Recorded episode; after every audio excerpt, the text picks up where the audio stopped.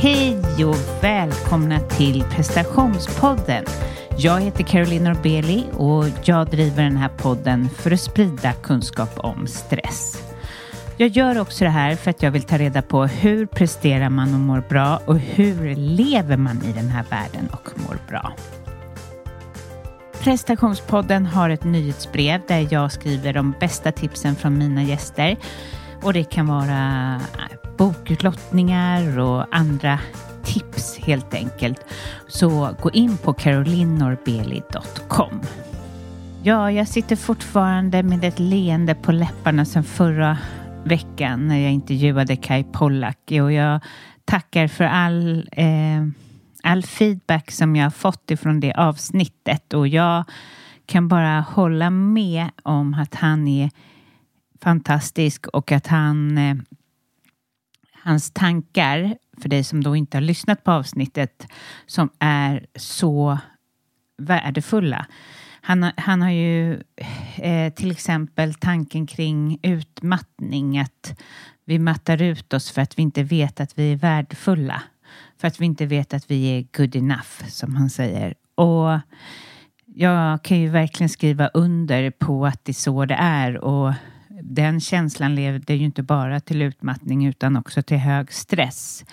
Och han pratar ju om hur man ska omprogrammera sig eller som han säger, man ska ändra sin trosats eh, om att man inte är värdelös utan att man är värdefull och eh, att, man, eh, att man ska upprepa det ofta för sig själv. Och det tycker jag är otroligt bra. För vi har det liksom inte med oss. Alla har inte det bara med. Och det behöver ju inte bero på att man har haft en jättedålig upp, eh, uppväxt eller så. Utan samhället får ju en eh, att känna så. Så in och lyssna på det avsnittet efter det här avsnittet om du inte har hört det. Jag känner mig mer än lyckligt lottad just nu med podden faktiskt för att eh, det jag har fått in och då tänker jag också på det här avsnittet så otroligt intressanta gäster. Jag ska snart ha ett eget avsnitt. Det har bara varit mycket eh, och jag har inte haft riktigt tid, men det är ju min tanke. Så har du någon, något tips på vad du vill att jag ska prata kring så får ni gärna gå in på Caroline Norbille coaching och skicka mig ett DM på Instagram alltså. Och är du inte på Instagram så går det ju bra att eh, mejla till caroline.prestationspodden.se. Jag gjorde en intervju igår och jag kan inte eh, hindra mig från att prata kring ämnet för att det ligger mig så nära och det handlar om att göra misstag. Vi eh, lever ju i den här, ja, i Sverige där misstag är otroligt fult. Vi eh, lever många med känslan av att, att göra, göra liksom, att kontrollera, att inte att göra allt för att inte göra misstag.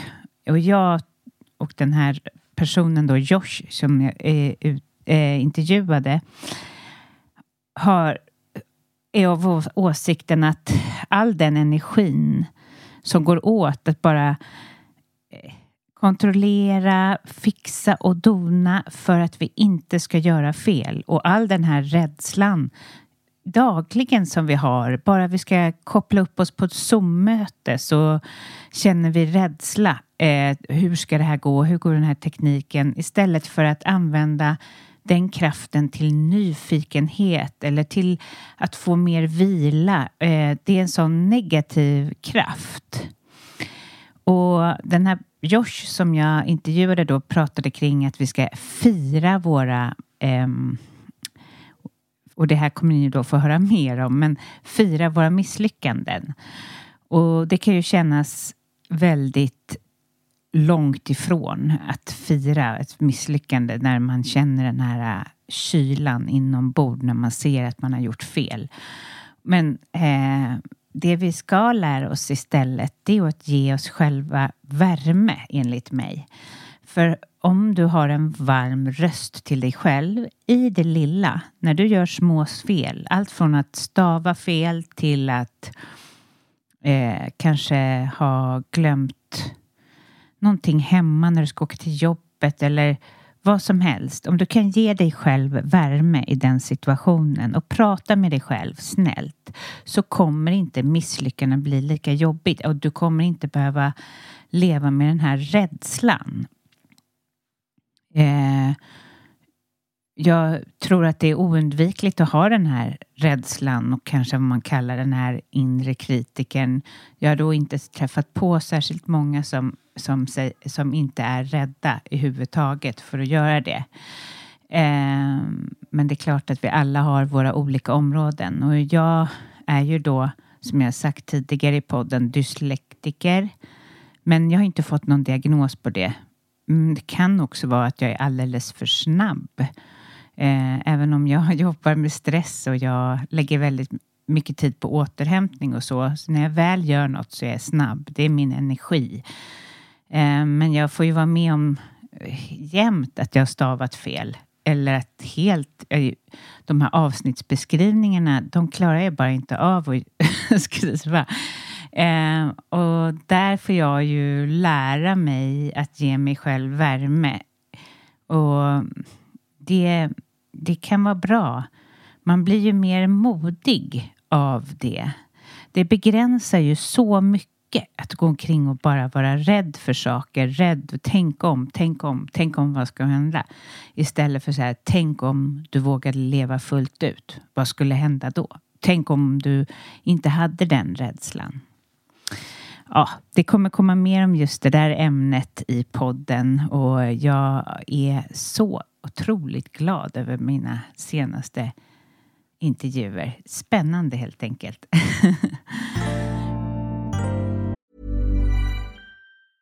Have catch yourself eating the same flavorless dinner three days in a row?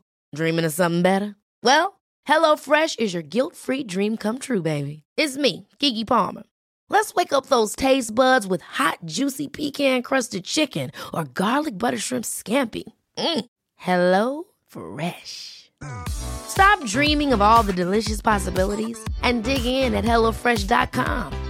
Let's get this dinner party started. There's never been a faster or easier way to start your weight loss journey than with PlushCare.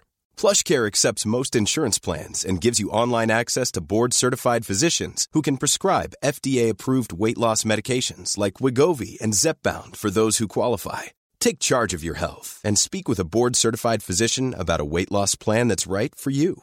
Get started today at plushcare.com slash weight loss. That's plushcare.com slash weight loss. Plushcare.com slash weight loss. Even when we're on a budget, we still deserve nice things. Quince is a place to scoop up stunning high end goods for 50 to 80% less than similar brands. They have buttery soft cashmere sweaters starting at $50, luxurious Italian leather bags, and so much more. Plus, Quince only works with factories that use safe, ethical, and responsible manufacturing. Get the high-end goods you'll love without the high price tag with Quince. Go to quince.com/style for free shipping and 365-day returns. Millions of people have lost weight with personalized plans from Noom, like Evan, who can't stand salads and still lost 50 pounds. Salads generally for most people are the easy button, right? For me, that wasn't an option. I never really was a salad guy. That's just not who I am. But Noom worked for me. Get your personalized plan today at Noom.com. Real Noom user compensated to provide their story. In four weeks, the typical Noom user can expect to lose one to two pounds per week. Individual results may vary.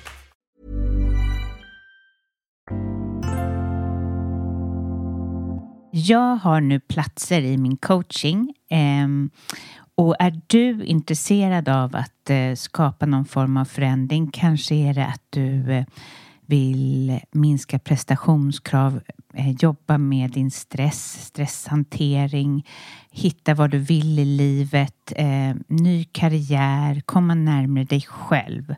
Så är du varmt välkommen att gå in på carolinorbeli.com och så skickar du en intresseanmälan och så kan vi boka ett eh, gratis första möte.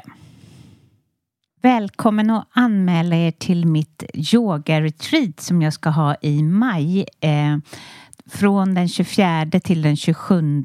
Vi vandrar i bergen, vi eh, mediterar, vi yogar, vi äter hälsosam mat och eh, Deja är läkande i sig. Det är, ett, det är en fantastisk plats och de där bergen är eh, helt otroliga. Jag vill inte säga ordet magiskt för det är så uttjatat, men någonstans där är det i alla fall. Och är du intresserad av att hänga med så kan du lämna en intresseanmälan på carolinorbeli.com och så hörs vi därifrån. Till det här avsnittet har jag intervjuat Filip Bromberg han är psykolog och han arbetar för ett företag som heter Nysnö. Eh, och eh, Nysnö använder sig av psykedeliska substanser i deras behandlingsmetod. Och jag är superintresserad hur, ja, vad det kan ge och hur framtiden kommer se ut om vi kommer använda oss av psykedeliska substanser mer i sjukvården. Eh, och anledningen till mitt intresse är väl att jag tycker ju att det är mycket som inte fungerar eh, när det gäller medicin och, och att vi behöver utforska något annat. Sen självklart vill jag ju lägga till att ska man testa sånt här ska det ju vara tillsammans med sådana som Nysnö som är professionella och att det ska användas på ett professionellt sätt. Men jag tycker att det är superspännande att, folk, att, att man utforskar något annat än det som finns nu och kanske inte alltid fungerar helt enkelt. Så lyssna till Filip Bromberg.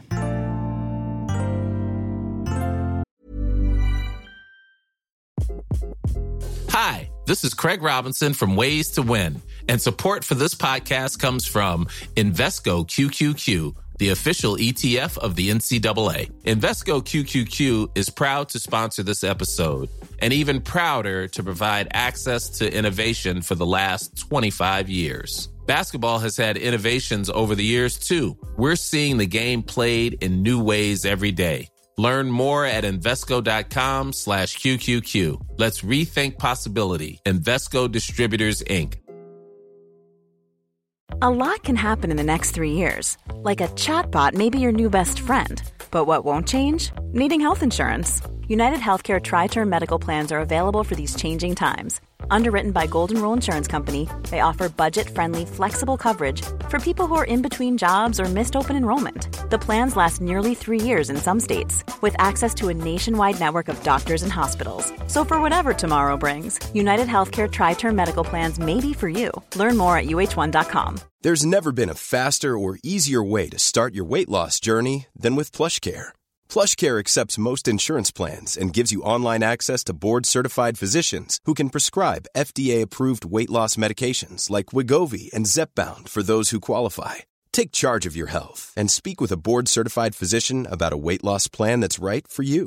Get started today at plushcare.com slash weight loss. That's plushcare.com slash weight loss. plushcare.com slash weight loss.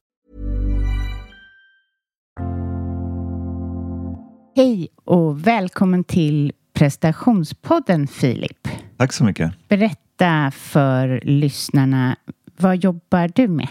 Jag är psykolog, eh, tog examen 2017 och har sedan dess jobbat dels i det vanliga eh, hälsovårdssystemet men också alltid varit väldigt intresserad av psykedelisk forskning och terapi. Så jag har jobbat på olika sätt för att etablera det fältet i Sverige med drömmen om att, om att jobba som psykedelisk terapeut i framtiden.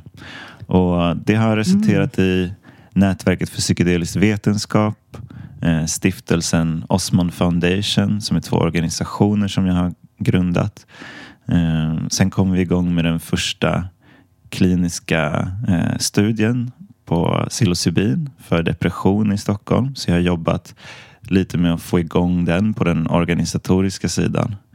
Idag så jobbar jag framförallt med eh, Nysnö som är ett företag som arrangerar eh, retreatprogram i Holland med psilocybintryfflar. Så jag jobbar som facilitator.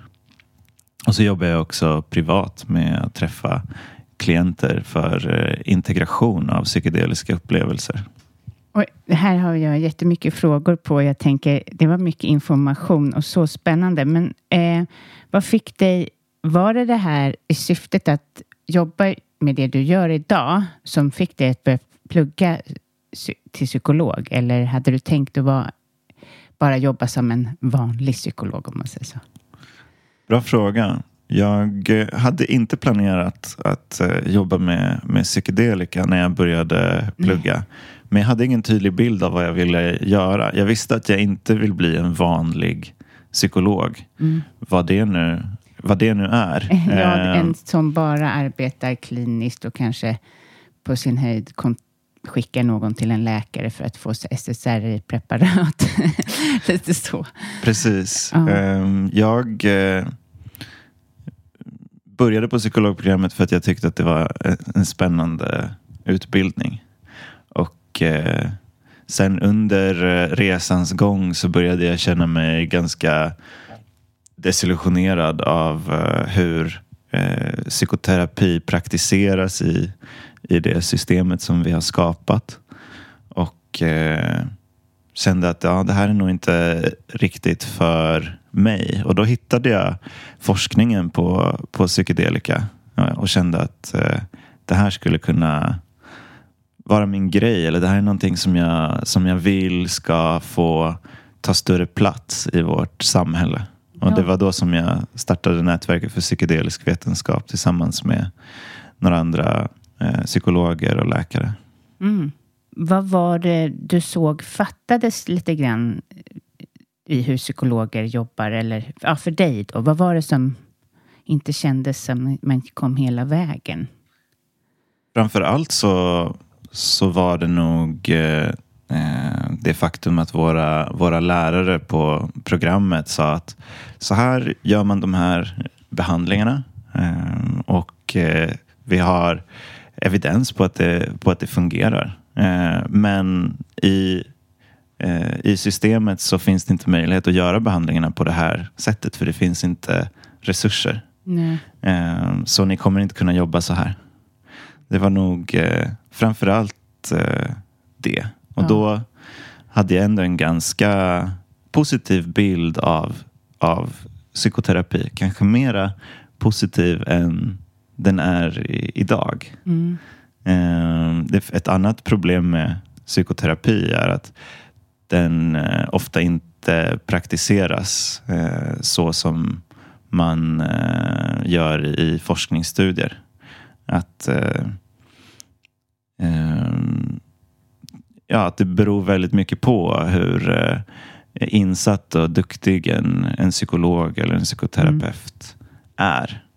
Um, och Det är många psykologer och terapeuter som inte vidareutbildar sig och som, uh, som går kanske mera på, uh, på känsla än på vad de vet fungerar. Mm. Mm. Vad är, för de som inte vet, eh, och även vill jag veta ännu mer om, vad är psykedeliska substanser? Psykedeliska substanser är eh,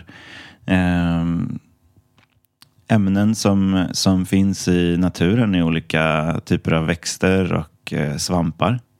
Eh, framförallt LSD, psilocybin, meskalin och DMT. Mm. Det är de som brukar kalla de klassiska eh, psykedeliska substanserna.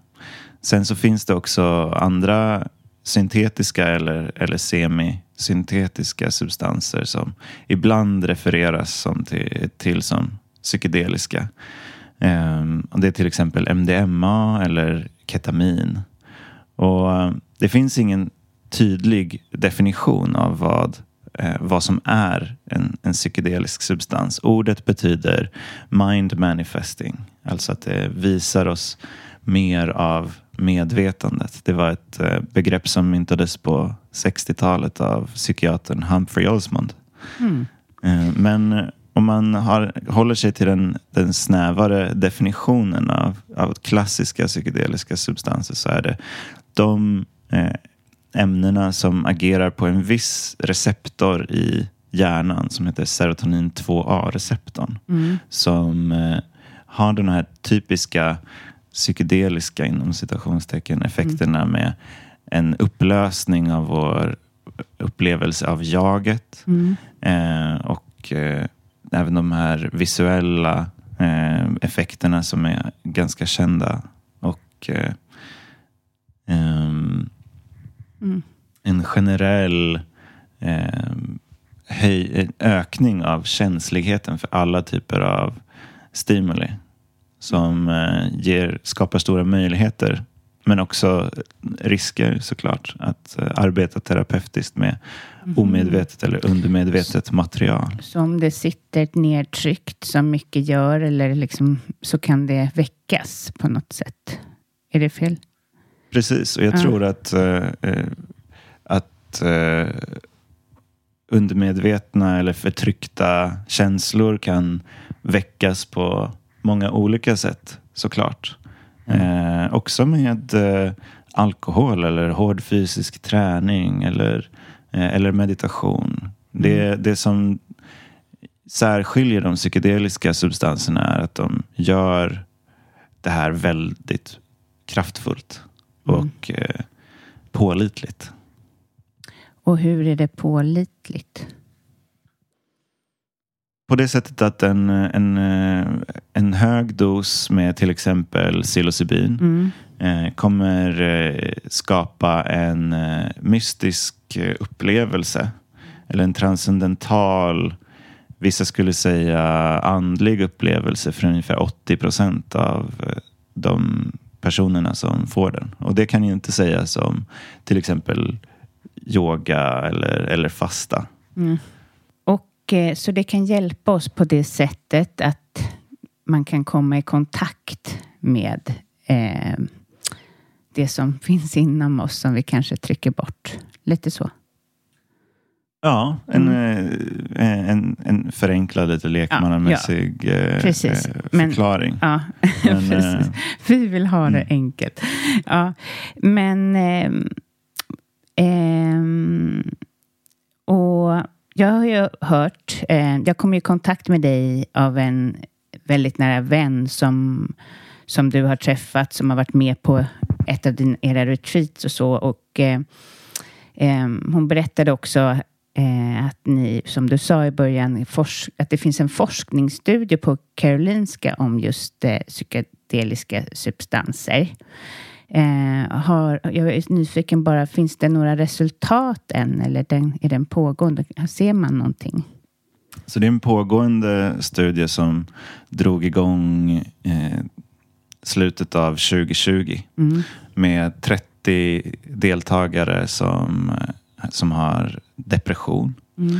Och eh, det är en ganska eh, biomedicinsk studie med flera sorters hjärnavbildning som, där forskarna framförallt är intresserade av hur eh, receptorerna i hjärnan påverkas eh, i relation till depression. Och den är fortfarande pågående och den är eh, dubbelblind och placebokontrollerad.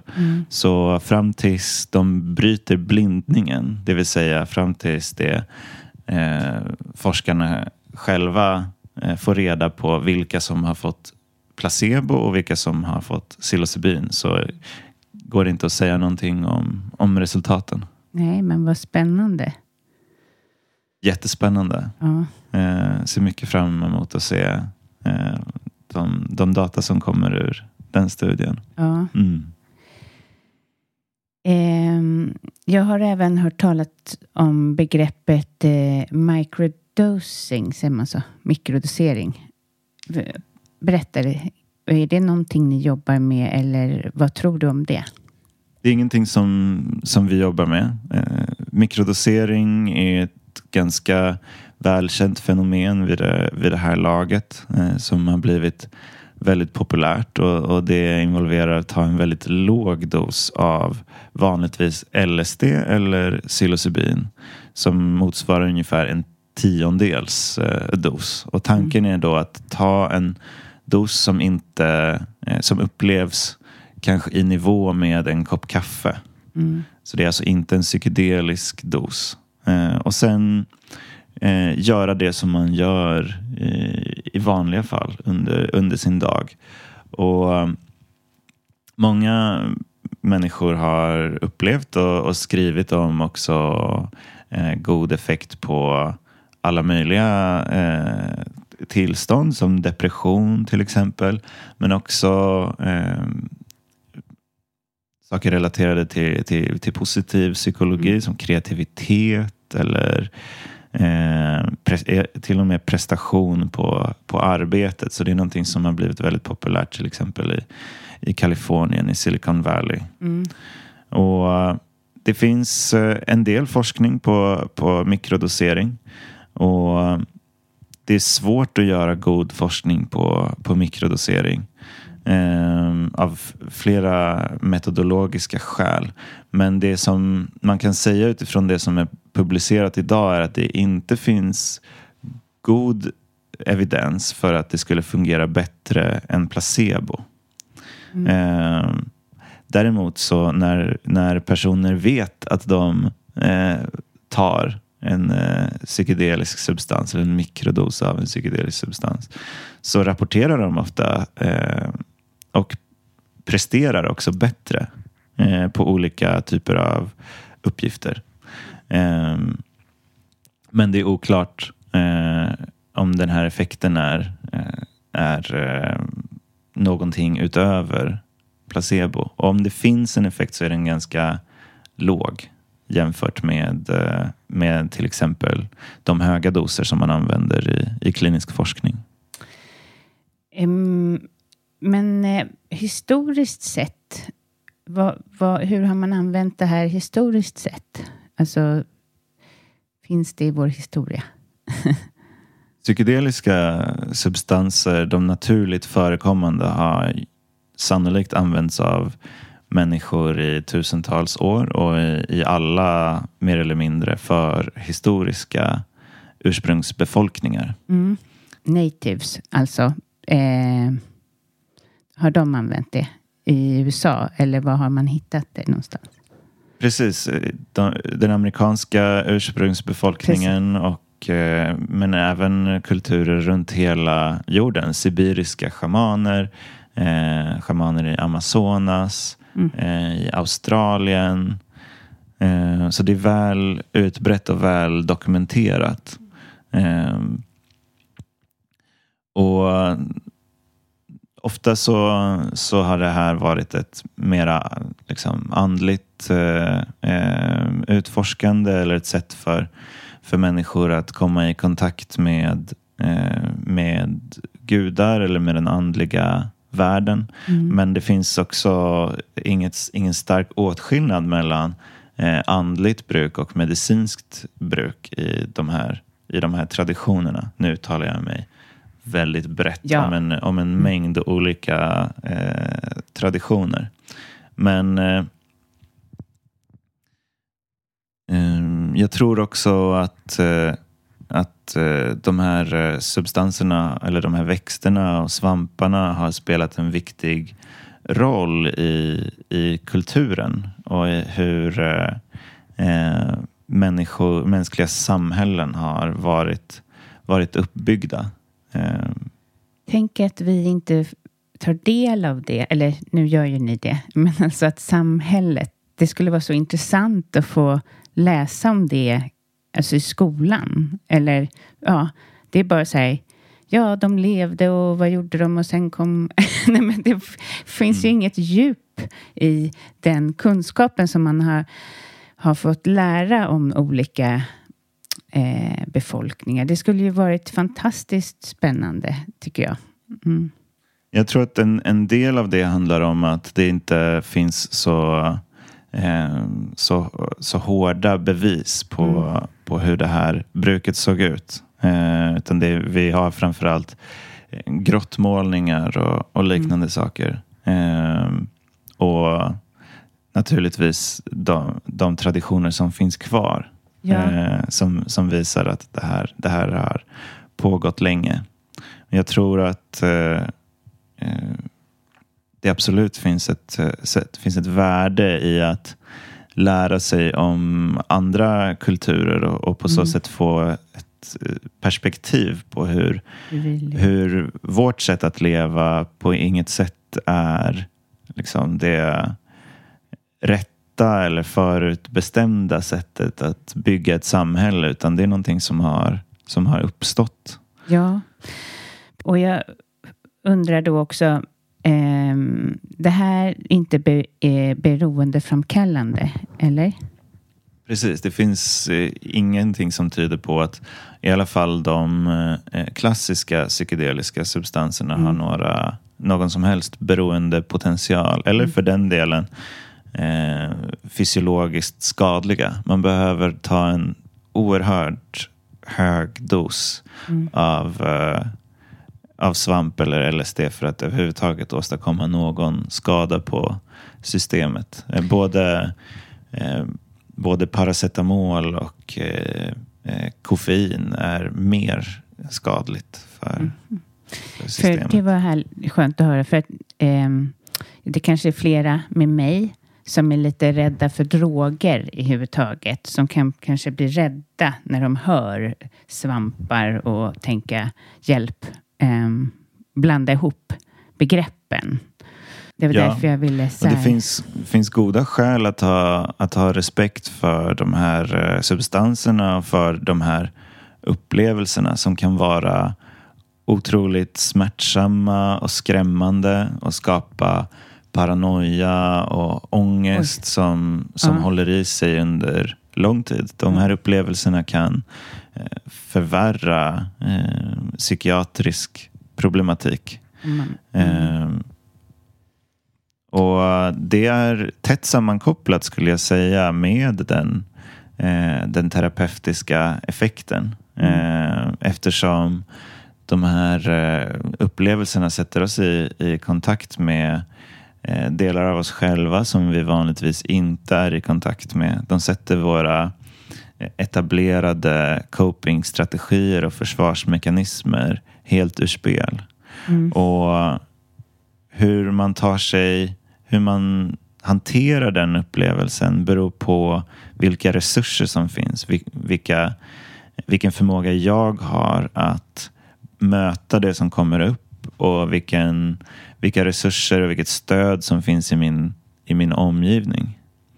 Eh, på det sättet så är det ganska likt eh, eh till exempel eh, exponeringsbaserad eh, psykoterapi eller för den delen vilken psykoterapi som helst. Vi vill, vi vill komma i kontakt med, med svåra, utmanande eh, känslor och, och, mm. och processa dem. Eh, nu kan jag säkert citera min vän, eh, annars så plockar jag bort det här, men eh, som har varit på era retreat som vi ska komma in på sen. Men hon säger ibland till mig så här, när vi pratar om eh, saker som är jobbigt i livet och så, så kommer hon, helt plötsligt säger hon så här, ja just det, men det såg jag ju på det här retreatet. Då kom jag ju i kontakt med att det var så här. Alltså, hon fick en annan... Hon fick syn på något. Eh, syn på en situation eller syn på hur det var för henne i eh, kanske en relation till en förälder eller relation till sig själv eller så. Som hon inte har kunnat se utanför retreatet. Alltså, så det är så roligt ibland när vi pratar så bara helt plötsligt så ser hon det från en annan vinkel. För hon minns att hon såg det med er då. Ja. Det får mig att, att, att tänka på Eh, på begreppet integration och hur viktigt det är att, att eh, ta med sig de här insikterna och, och de, den liksom förkroppsliga den upplevelsen för att göra eh, förändringar i, i sitt liv. Och det låter som att din vän har eh, verkligen tagit vara på, på upplevelsen och, och använder den för att eh, för att komma i kontakt med ett annat perspektiv i sin, i sin vardag. Jag tror att det finns en, en risk med de här upplevelserna och med det här arbetet. att eh, Man tänker att det är själva trippen som är grejen. Mm. Eh, och den är naturligtvis oerhört viktig, den upplevelsen. Men ofta så blir det tydligt att den kan vara det första steget på ett ganska långt eh, arbete, eller ett väldigt långt arbete för att göra en förändring. Mm, jag förstår. Det är en gång, ja, precis som jag ser det på min vän som jag står väldigt nära då, så ser jag att det är en liten igångs, en gångsättning av någonting nytt, eller vad man ska säga. Ja. Eh, men först, om jag ska först fråga, vilka ska inte eh, ta psilocybin? Eh, hur är det för liksom, bipolära som kanske kan bli psykotiska och så? Kan de, bli, kan de ta psilocybin eller kan det trigga psykosen? Det kan trigga eh, en, en, en manisk episod för någon med, med bipolär sjukdom eller en, eller en psykotisk episod för någon med schizofreni eller, eller sårbarhet för, för psykos. Så de grupperna ska absolut vara extra försiktiga. Sen vet vi inte precis hur stor den risken är och vi vet inte hur eh, potentialen att faktiskt hjälpa personer med eh, bipolaritet eller schizofreni ser ut. Det kan vara så att det är hjälpsamt för vissa men skadligt för andra. Mm. Eh, men de här eh, grupperna exkluderas alltid från eh, klinisk forskning. Så det finns, vi känner väldigt, till väldigt lite om hur eh, just de här eh, grupperna påverkas av, av psykedelika. För stor risk kanske? Um. Framförallt eh, om det görs i eh, ansvarslöst eller, eh, eller i en kontext som, som inte är trygg. Um, och sen så vill jag också säga att det finns fler personer som... Jag, tror, jag tycker att alla ska vara väldigt försiktiga med mm. de, här, de här substanserna. Um, personer med uh, svåra trauman till exempel eh, eh, bör vara väldigt försiktiga eftersom det kan bli en överväldigande upplevelse och som kan leda till ja, ökad, ökad ångest, eh, ökad eh, suicidalitet till exempel. Eh, vilket kommer av just den här processen att, att uh, gå in i sin egen skit. Mm. Det, som, eh, det som vi har eh, tryckt undan under, eh, under så många år. Och när allt det här kommer på en gång så, så kan det skapa problem. Vad vi säger då, vi behöver gå in på det här med era retreats och Nysnö där du jobbar. Eh, berätta, vad är Nysnö? Nysnö är ett företag som, som startades av framförallt psykologer. Vi är fyra psykologer som, som driver Nysnö. Eh, och eh, vi startade eh, bolaget för ungefär ett och ett halvt år sedan eh, med intentionen att ta nästa steg i att bygga erfarenhet.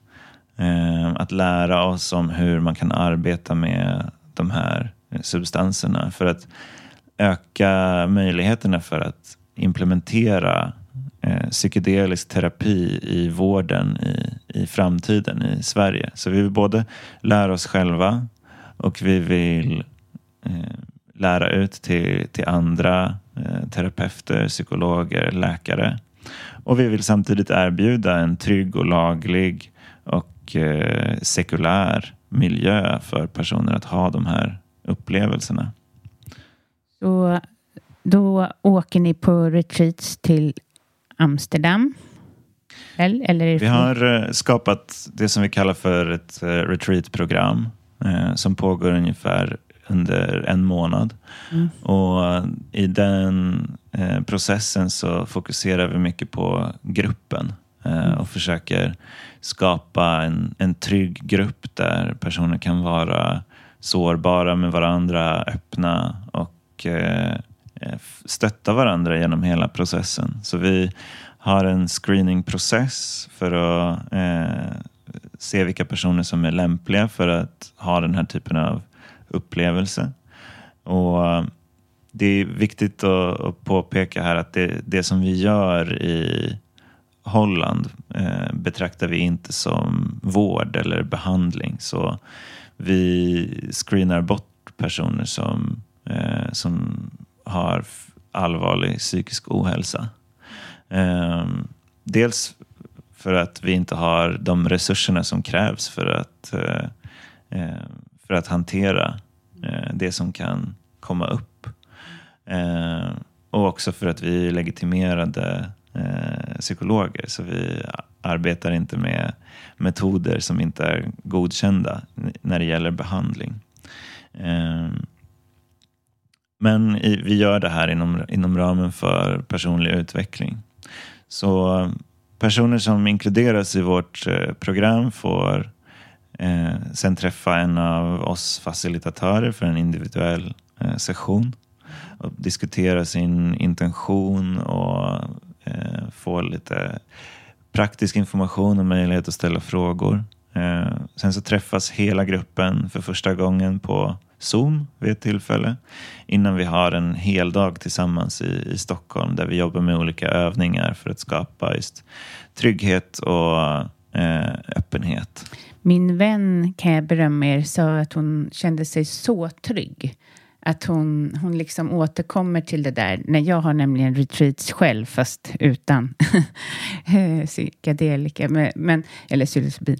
Men eh, då så försöker hon hjälpa mig eh, men, och berätta om det hon upplevde hos er. Att hon var väldigt, väldigt trygg och det liksom inte är så här, vi åker iväg och tar de här eh, svamparna, utan det var eh, precis som du berättar så kände hon sig väldigt sedd och det var kärleksfulla relationer. Ehm, och hon kom jättenära en person där som sågs senare och sådär. Så att, ja.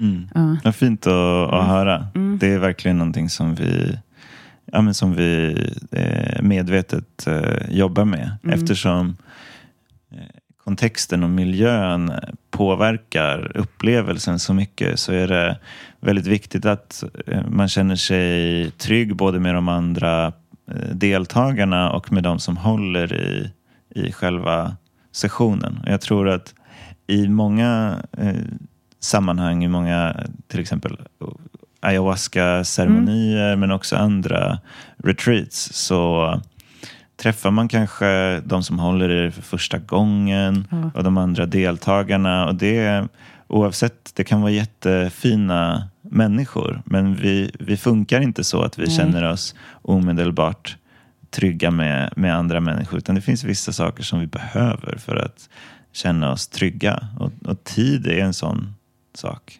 Precis. Efter den här inledande förberedelseträffen så har vi själva retreatet och då Mm. åker folk till Holland själva. Så det är inte en resa som vi gör tillsammans utan folk tar sig dit själva.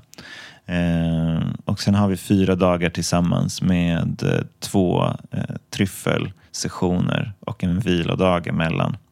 Så tanken är att skapa ett eh, eh, space med mycket eh, tid för reflektion, kontakt med, eh, med naturen Ehm, och också eh, en, en stöttande miljö. Vi har individuella samtal med alla deltagare under själva retreatet för att se till att eh, de kommer framåt i, i sin process, vad det nu är för, för process. Vi har ingen, ingen agenda för vad eh, deltagare ska uppleva eller vad de behöver göra. Efter det här så har vi på ett liknande sätt en, en uppföljande workshop i Stockholm för hela gruppen och sen en avslutande träff på, på Zoom. Och hela programmet pågår ungef- under ungefär en månad. Mm. Och eh, det är vanligt att våra grupper håller kontakten efteråt. Eh, och det ser vi Spännande. som väldigt värdefullt för att just vi kan inte fortsätta eh, finnas där Mm. eh, på samma sätt. Men, men gruppen kan det.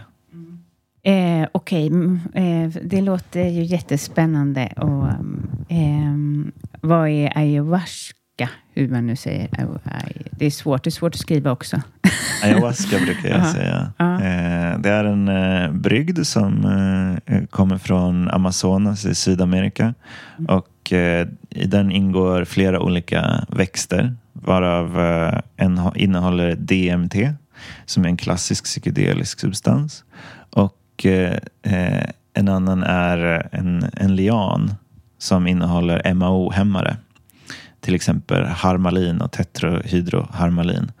Och de här MAO-hämmarna gör att eh, eh, DMT blir, eh, passerar eh, blod-hjärnbarriären. Annars bryts det ner i, i magen vanligtvis.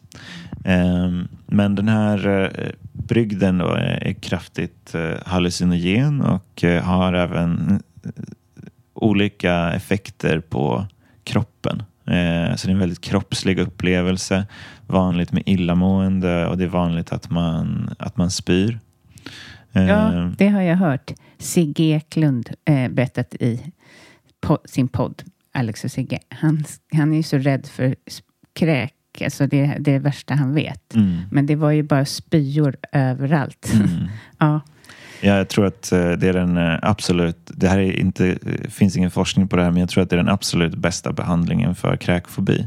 Aha, ja, han kanske är... Eh, för att han... Det enda han gjorde under den ceremonin var att han gick runt och tog hand om andra som kräktes. För han kräktes inte själv. Så han, hans slutsats var att det var det han fick möta. Mm. Att han gick omkring och hjälpte andra. Ja. Det var Mm. roligt att höra.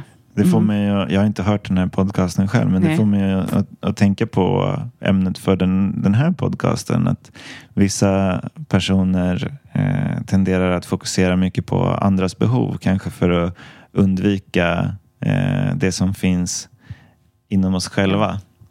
Eh, så utan att uttala mig om, om, om Sigges eh, eventuella svårigheter och, och mönster så Mm.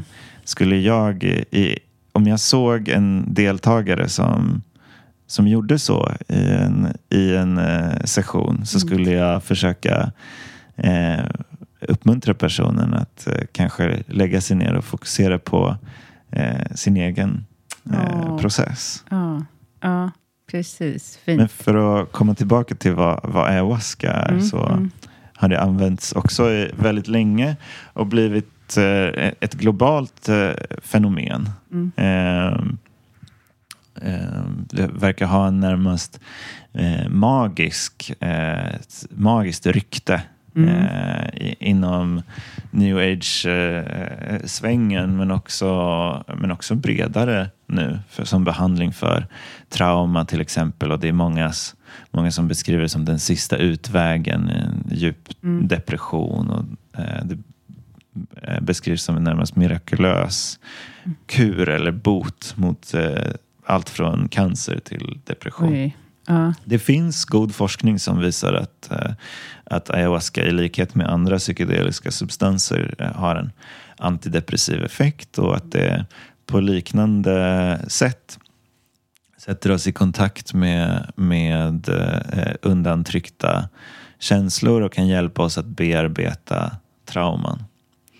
Ehm, det som är speciellt med ayahuasca är att det har ett väldigt starkt eh, kulturellt arv. Det ceremoniella. Ja. Eh, det görs alltid på ett, på ett visst sätt. Eh, eller det görs på många olika sätt. Men, men det finns tydliga idéer om hur en ayahuasca-ceremoni ska gå till och vad det är man till exempel arbetar med för eh, andar eller vilka processer som man, som man arbetar med. Och det här påverkar ju naturligtvis upplevelsen eh, väldigt mycket på, på olika sätt. Så det är svårt att säga med ayahuasca vad som, eh, vad som beror på eh, själva brygden och vad som, vad som beror på formatet. Men det är också en så svår fråga med all, eh, alla psykedeliska interventioner eftersom de är så beroende av eh, miljön och, och vilken inställning man har och, och hur de används.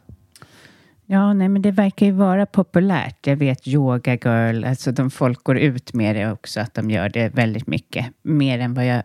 Eh, det är första gången jag stötte på eh, psilocybin eh, när jag pratade med min vän. Ja, jag tror att det eh, just det faktum att ayahuasca smakar så äckligt och att det är så obehagligt att spy. Det är verkligen eh, arketypen för den bittra medicinen. Mm. Och vi har ju en idé i vår, i vår kultur om att det som är nyttigt inte ska vara roligt. Ja, ehm, verkligen. Så att den passar in där lite bättre än eh, ja. magic mushrooms eller LSD som har använts ganska hedonistiskt i, i vår kultur. Men om man säger, vad är det för något? Om, om du ger mig psilocybin i handen här, vad är, hur ser det ut? Så mm, vanligtvis så är det ju en, en svamp. Ja. Eh, I Holland så, så är svampen olaglig, men precis som den är överallt annars. Men eh, det som växer under marken är lagligt. Och det är därför jag pratar om tryfflar ibland. För att mm. eh, i Holland så kan man köpa eh, psilocybin-tryfflar lagligt. Ja. Och det är en annan del av samma organism, av samma växt. Vad får, förlåt, vad, vad får de att, vad får, varför förbjuds det? Du syftar på i Holland? Just. Nej, överhuvudtaget. Varför är psilocybin? Varför psilocybin är förbjudet? Det är förbjudet som eh, i, sedan eh, slutet av 60-talet, början av 70-talet eh, i, den, i FNs narkotikakonvention tillsammans med de flesta andra eh, välkända eh, droger eller det som vi mm. kallar för droger. De ja, och det finns ju en, det är förbjudet för att det finns en uh, utbredd oro om att, det, om att det ska skada människor och att det inte har någon medicinsk användning. Men det här vet vi ju idag uh, inte stämmer. Mm. Uh, naturligtvis kan det uh, skada människor men inte alls till samma grad som till exempel alkohol. Mm. Eh, potentialen för missbruk är väldigt låg och det finns en, eh, en eh, medicinsk potential som blir allt starkare etablerad i, i forskning. Så därför pågår flera globala perspektiv för att om, till exempel omklassificera psilocybin eh, och sätta det i en annan kategori eh, som inte innebär att det blir Eh, Eh, lagligt att köpa men som innebär att det blir mycket lättare att göra klinisk forskning med. Hur, hur ställer sig psykiatrin tror du? Alltså, tror du de kommer, kommer, eller ja, tror du att det kommer, vad ser du i din spåkula? Tror du att det här kommer kanske integreras som någonting framöver inom psykiatrin? Ja, jag tror att det kommer att eh, integreras på något sätt eh, inom, inom psykiatrin. Eh, det mesta, säger jag som är optimist, talar för att det blir en godkänd behandling om tre till fyra år. Psilocybinassisterad terapi för depression eftersom det pågår storskaliga studier i USA och Europa och det är så processen med läkemedelsutveckling ser ut. Att när man har publicerat eh, två oberoende stora studier på att en eh, behandling fungerar bättre än placebo så kan man ansöka om att göra det till en godkänd behandling. Att det blir en godkänd behandling betyder inte att det kommer rullas ut i psykiatrin och, och överallt annars. Utan eh, det här blir en krock mellan eh, forskning och, och verklighet kan man säga. Eh, den här behandlingen för att den ska implementeras i samhället behöver eh, visas vara kostnadseffektiv. Eh, och då inte bara på lång sikt, vilket ju är det mest rimliga, men den behöver vara kostnadseffektiv på kort sikt. För det är, det är så, så människor fungerar. Ja. Eh, det, blir en, det är en en konkurrerande behandling till till exempel SSRI som ju är en extremt billig är det, det, det, det intervention. Som, ja, förlåt. Det är ju så vidrigt och det är en miljon människor som äter det och det är så i många fall beroendeframkallande och har en lång rad med eh, biverkningar som är helt eh, som jag inte tycker går att försvara faktiskt. Alltså i längden, om man äter SSRI-preparat i längden kan man få högt blodtryck. Det kan ju leda till död. Alltså, och det är inte någon läkare heller som är vettig, eller jag har inte stött på, som är vettig nog att säga nu behöver vi nog plocka bort ditt SSRI-preparat för ditt blodtryck kommer gå, gå upp. Eh, eh, till exempel, ja du hör, mm. jag är mm. ganska upprörd i hur det hanteras. i Det är jättebra för vissa, det är många av mina kunder som äter. Men det, det, är så himla synd att allting har med ekonomi att göra. Och ja, bara se på det här Levaxinet. Vi kunde ha haft ett bättre Levaxin, men bill, det bill, vi liksom äter billig skit. ja, ja, Där, där kommer det bara blä. ja, jag instämmer. Det finns eh, stora problem med, med SSRI-preparat och hur de används i, i vården och jag håller med om att det är alldeles för många som får dem och framförallt att man eh, slentrianmässigt fortsätter att ta dem även fast det inte finns någon evidens för att de funkar under eh, när man tar dem under flera, flera års tid. Eh, men det finns inga bra alternativ. Eh, åtminstone inte är tillgängliga i för läkare i Sverige i, i vardagen. Utan det är det man har.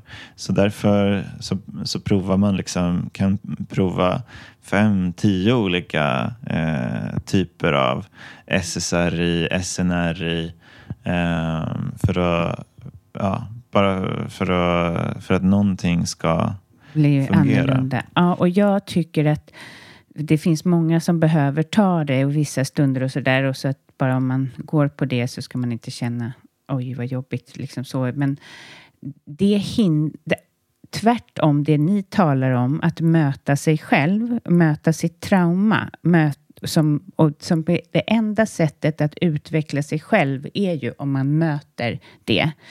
Det stänger ofta SSRI av förmågan att möta sig själv. Jag, det är ingen klinisk, jag har ingen evidens på det. Jag har er, egen erfarenhet och sen eh, Nej, men, eh, 200 det, kunder bakom mig. Det stämmer. Eh, SSRI fungerar på en, en annan receptor, en annan serotoninreceptor i mm. hjärnan mm. som hjälper oss att stå ut med, mm. med stress. Som hjälper oss att eh, eh, minska upplevelsen av negativa känslor. Så, mm.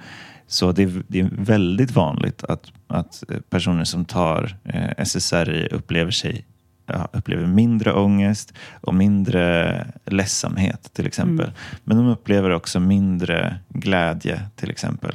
Mm. Och eh, Det är för att det går inte oavsett på om man gör på kemisk väg eller psykologisk väg så går det inte att stänga av vissa känslor och släppa fram andra. Nej. Det är allt eller inget. Mm. Eh, och det ser man också med, eh, med, psykedeliska, eh, med psykedeliska upplevelser. Att genom att eh, komma i kontakt med den, den djupaste, mest smärtsamma sorgen till exempel. Så kommer vi också i kontakt med kärlek och med självmedkänsla. Mm. Eh, och med eh, det som vi behöver eh, vara i kontakt med för att leva ett eh, rikt liv. Och för att kunna stå i sin sanning och därmed kunna skapa det liv som man egentligen vill ha. Det är jätteviktigt att kunna möta båda delarna. Så, ja.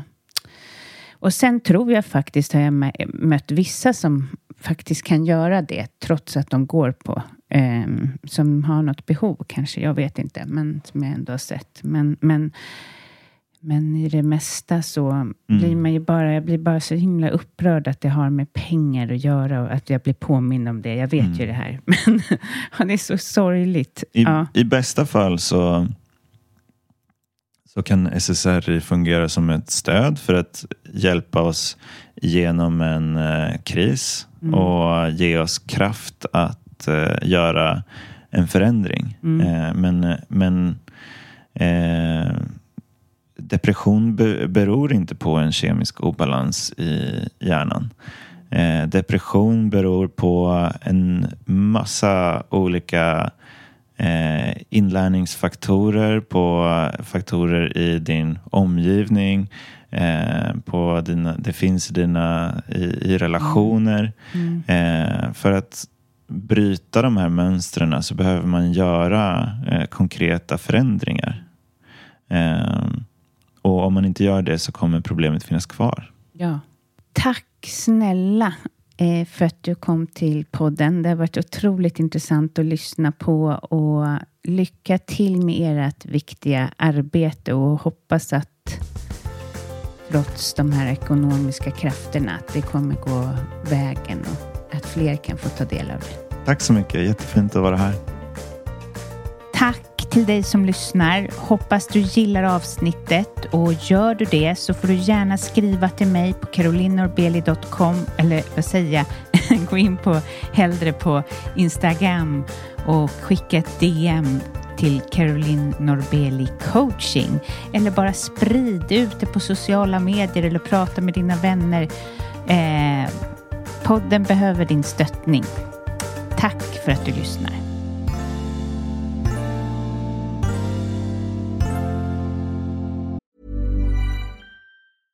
Ever catch yourself eating the same flavorless dinner three days in a row? Dreaming of something better? Well, HelloFresh is your guilt-free dream come true, baby. It's me, Kiki Palmer. Let's wake up those taste buds with hot, juicy pecan-crusted chicken or garlic butter shrimp scampi. Mm. Hello Fresh. Stop dreaming of all the delicious possibilities and dig in at HelloFresh.com. Let's get this dinner party started.